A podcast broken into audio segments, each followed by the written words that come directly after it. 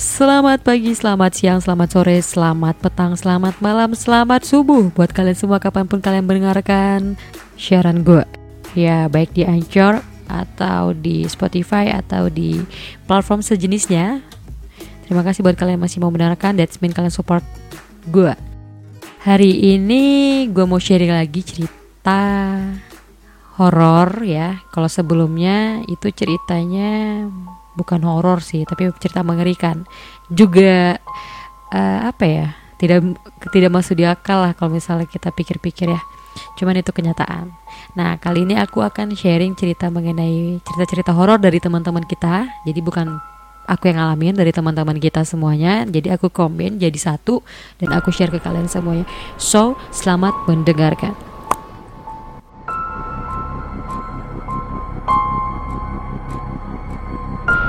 Cerita pertama, cerita horor kos baru yang berisik. Jadi ada seorang anak gadis ya. Dia baru ngekos di salah satu kota yang di mana kosan ini dekat dengan pemakaman umum. Jadi pada awal-awal dia nginep nih hari pertama hari kedua itu nggak ada masalah santai. Nah pas malam ketiga dia ngerasain ada yang janggal di kam dari kamarnya itu. Ditambah lagi suasana kosan sepi karena banyak teman-teman dia dari kamar-kamar lain itu pada pulang kampung. Jadi ini mungkin suasananya weekend ya. Jadi di malam ketiga itu si anak ini nih udah tengah malam nih. Nah si anak ini udah mau prepare mau tidur. Jadi menjelang dia mau tidur dia itu ngedenger kayak ada suara yang lari-lari di koridor kosannya itu gitu. Awalnya nih anak nggak peduli tapi kok makin lama suaranya itu semakin keras ditambah lagi dengan ada yang mengetuk pintu berulang-ulang. Nah uh, si anak ini karena penasaran dia ngecek keluar. Tapi dia nggak nemuin ada orang yang ngetuk pintu tadi. Akhirnya anak berpikir positif dan dia lanjutin tidurnya. Belum lama lanjutin tidur pintunya diketukin lagi ya kan? Pintunya bunyi lagi kemudian ya anak berani diri lagi untuk keluar kamar dan ngebuka pintu itu. Pas diceknya nggak ada lagi siapa-siapa ya di balik pintu itu. Nggak ada lagi siapa-siapa. Kemudian ya anak tutup pintunya. Setelah tutup pintunya dia balik badan dan dia langsung bertatapan dengan sebuah lemari di dalam kamarnya. Dan dia melihat seorang anak kecil dengan memakai pakaian yang lusuh berada di atas lemari yang di sampingnya ada rak buku. Nah jadi nih anak kecil yang dilihat itu ada berdiri di atas rak buku. Dalam sekelibat mata juga anak yang tadi berdiri di atas rak buku itu tiba-tiba menghilang sembari tersenyum kepada si anak perempuan ini.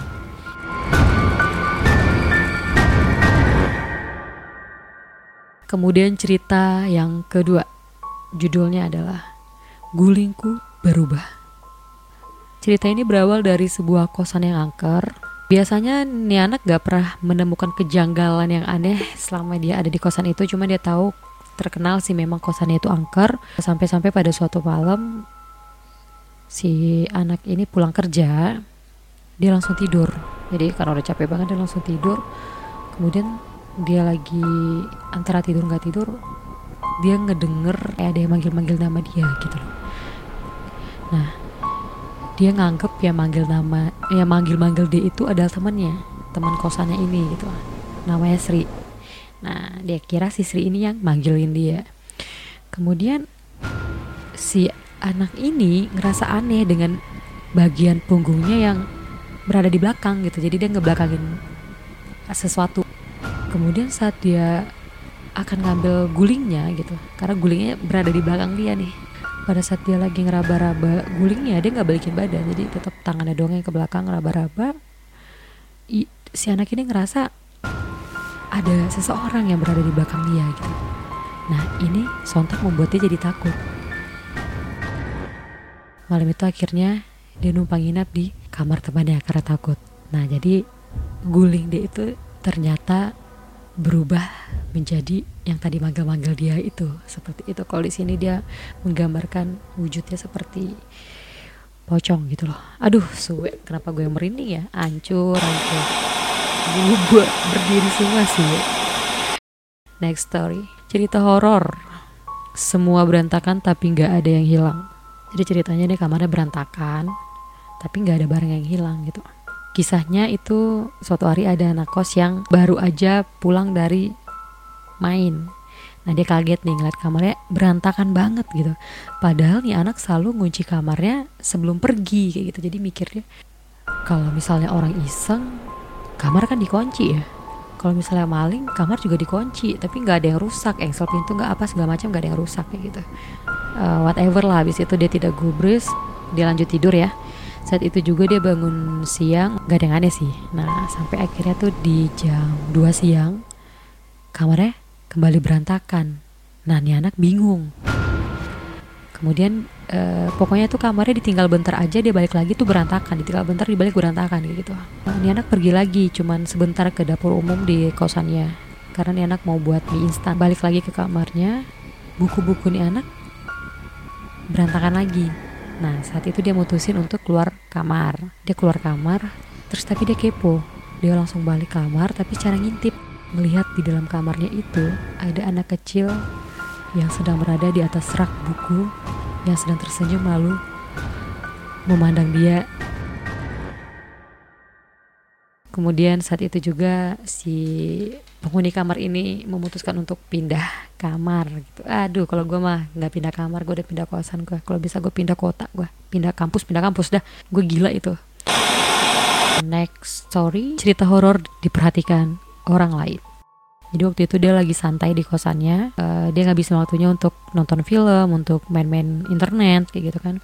Sorenya dia ngerasa aneh dengan kamarnya itu karena dia ngerasa kayaknya ada yang perhatiin gitu ada yang memperhatikan ke kamarnya kayak gitu. Selama seminggu dia ngalamin hal yang sama. Jadi selama seminggu dia ngerasain aktivitas di dalam kamar gitu itu kayak ada memperhatikan dari luar gitu. Nah kadang kan ada orang yang siksanya itu cukup kuat ya kayak ini kayaknya ada yang perhatiin gue deh samuan itu bisa ngerasain hal itu. Bahkan saat orang ini orang ini ngajak temennya untuk main ke kosannya dia pun tetap ngerasa ketak.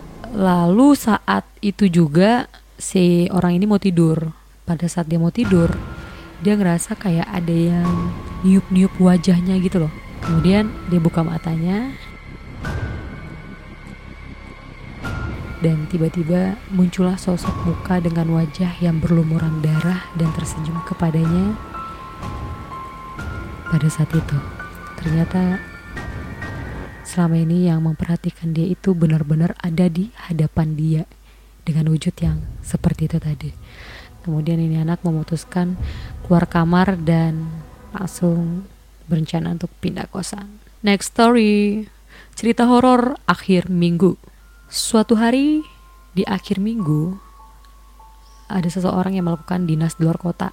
Nah untuk menghemat pengeluaran, dia mencari kosan aja nih yang dekat dengan kantor cabang tempat dia dinas itu. Sesuatu ini berawal dari suatu malam orang ini sedang ngemas-ngemas barangnya karena dia prepare udah mau check out dari kosan itu. Kemudian saat itu ada seorang anak kecil yang memberi dia sebuah roti. Tapi betapa terkejutnya orang ini setelah dikasih roti, orang ini langsung makan rotinya itu. Mungkin karena efek lapar juga atau mungkin efek untuk menghargai anak ini juga ya. Nah saat dia makan rotinya betapa terkejutnya dia. Dia melihat ada ulat di roti tersebut dan dia memutuskan untuk tidak melanjutkan makan roti itu. Jadi suatu malam dia ngerasa ada yang aneh dan dia ngerasa ada yang memperhatiin gitu tiba-tiba dia merasa kakinya ada yang ngelus-ngelus dia kemudian sangat kaget dan mencari sekring lampu. Jadi kondisi kamarnya itu berarti mati dan malam. Dan setelah lampu hidup, dia mendengar suara aneh. Kemudian dia berteriak untuk meminta bantuan namun gak ada satu orang pun yang keluar. Jadi saking takutnya dia bahkan sampai muntah. Gila. Udah parah banget ya. Udah saking takutnya gak terkeluarkan lagi jadi dia nyampe muntah gitu. Kemudian saat dia muntah, kemudian dengar suara ada yang tertawa renyah sampai nih orang pingsan. Saat dia sadar, dia justru berada di depan kamar kosannya yang kekunci. Kemudian dia menceritakan semua yang terjadi pada pemilik kosan tersebut. Setelah dia menceritakan semua itu, mulai dari yang ada anak kecil tadi yang ngasih roti dan sampai kejadian dia kenapa bisa sampai di luar kamarnya tadi, pemilik kosannya pun ngerasa dia nggak ada nyuruh anaknya untuk memberikan roti itu. Saat itu juga mereka sepakat untuk mendobrak kamar tersebut. Betapa terkejutnya mereka melihat kamar yang sangat berantakan. Saat itu juga orang itu langsung ngemas-ngemas barang dan berpamitan pergi. Dan herannya juga orang kosannya nggak tahu ya pemilik kosannya nggak dilanjutin cerita juga sih sama dia pemilik kosannya sebenarnya tahu apa nggak tentang kamar itu apakah ada historinya atau bagaimana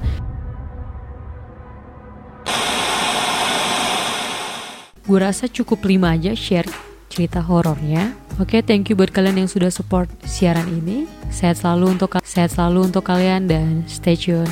Bye.